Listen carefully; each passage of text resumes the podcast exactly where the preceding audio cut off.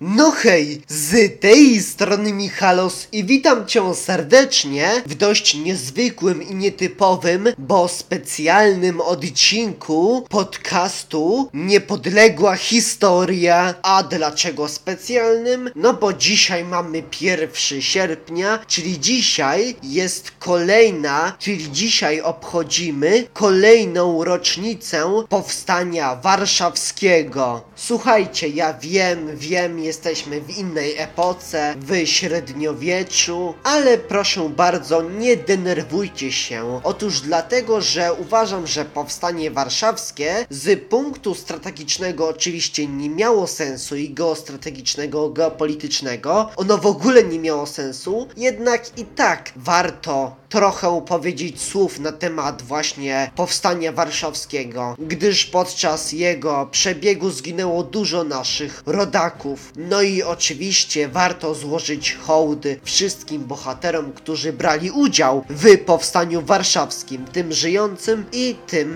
nieżyjącym. I dlatego ja z tej okazji w imieniu podcastu Niepodległa Historia składam życzenia wszystkim powstańcom warszawskim. Serdeczne życzenia tym żyjącym i tym niestety już nieżyjącym. I mimo, że według mnie powstanie warszawskie od samego początku nie miało już sensu, gdyż sprawa już była przegrana. Po 41 roku, każdy to już wiedział, mądry geopolityk, geostrateg, Chodzi mi tutaj oczywiście o sprawę pod tytułem Walka o wolną Polskę. To i tak chcę bardzo Wam podziękować za to, że podjęliście chociaż próbę walki o wolną ojczyznę, o wolną Polskę. Bardzo dziękuję w imieniu podcastu Niepodległa Historia i wszystkich słuchaczy. No dobra, no a w dzisiejszym odcinku omówimy sobie przyczyny tegoż otóż powstania warszawskiego Zapraszam serdecznie do oglądania i przepraszam za tak długi wstęp, ale był on po prostu bardzo, bardzo potrzebny. No to lecimy. Przyczyny wybuchu powstania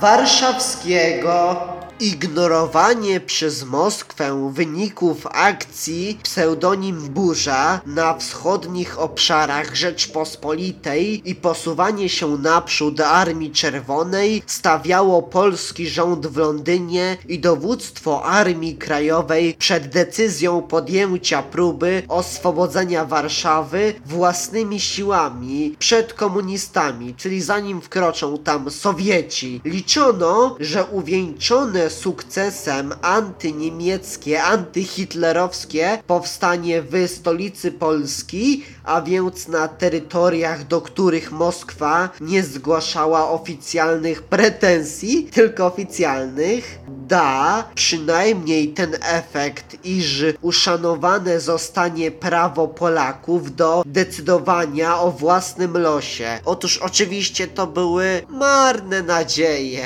Każdy wiedział, że Sowieci i tak zrobią swoje. No bo nawet powołanie w Warszawie z inicjatywy PPR, czyli Polskiej Partii Robotniczej, tak zwanej Krajowej Rady Narodowej i poczynania polskich komunistów w Związku Radzieckim przeczyły tym nadziejom. No a powstanie PKWN jako oczywistej agentury moskiewskiej na ziemiach polskich stworzyło nową sytuację polityczną, no bo od tej chwili działały niezależnie od siebie dwa ośrodki władzy państwowej. Popie pierwszy, rząd Rzeczypospolitej Polskiej z siedzibą w Londynie i właśnie ten, ten rząd sowieckiej agentury, czyli PKWN. No a podczas gdy pierwszy z nich posiadał poparcie zdecydowanej większości narodu polskiego i uznawany był przez zachodnich aliantów, to jedyną podstawą istnienia drugiego rządu był mecenat mocarstwa, którego armie wkroczyły na ziemię polskie, wypierając hitlerowskiego okupanta. No a w końcu lipca 1944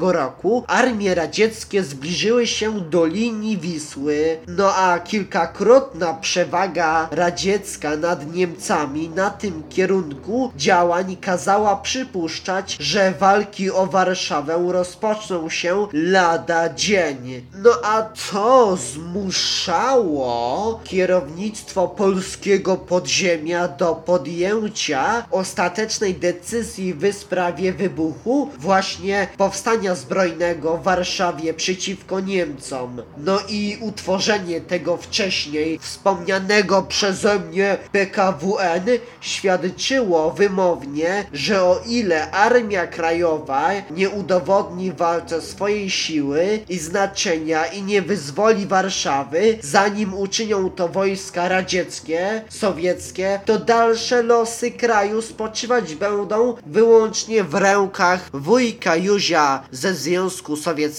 czyli Stalina. No a co ciekawe, stanowisko członków Komendy Głównej AK nie było jednolite, no bo zdawano sobie sprawę, że zbyt wczesne zaatakowanie Niemców może doprowadzić do zdławienia powstania i ogromnej ofiary krwi żołnierzy Armii Krajowej i oczywiście polskiej ludności cywilnej. No a chwiejne i na ogół pełne ustępliwości wobec Stalina stanowisko zachodnich aliantów nie dawało też większych gwarancji zgodnego z oczekiwaniami wykorzystania ewe ewentualnego zwycięstwa. Jednak argument, że Warszawa jako stolica Polski zostanie uwolniona przez samych Polaków, a władzę przejmą tam wobec wkraczających Rosjan przedstawiciele państwa podziemnego, wydawał się ostatnią szansą uratowania niepodległości Polski. No i według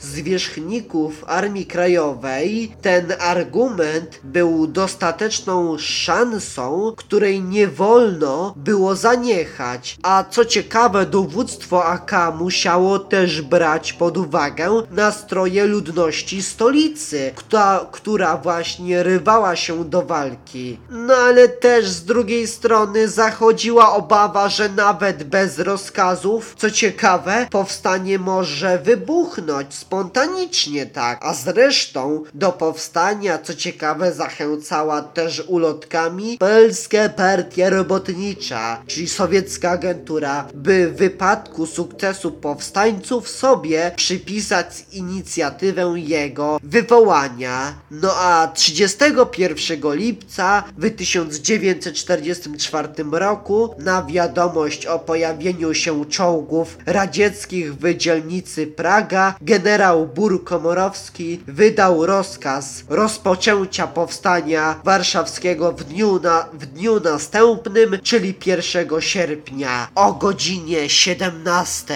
No dobra, to by było już na tyle w tym temacie i dlatego chciałbym bardzo Ci podziękować za to, że zostałeś do samego końca, że wysłuchałeś ten odcinek do samego końca. Naprawdę dzięki, to mnie bardzo motywuje. No dobra, no to ja się z Wami, z Tobą żegnam i zapraszam Cię już za tydzień do normalnego odcinka podcastu Niepodległa Historia, w którym omówię historię kolejnego króla Węgier, a dokładnie jakiego króla tego się dowiecie już, uwaga, jutro. Dlaczego jutro? Bo dzisiaj jest niedziela, a ja zawsze publikuję odcinki raz w tygodniu w poniedziałki. No to cześć, pa!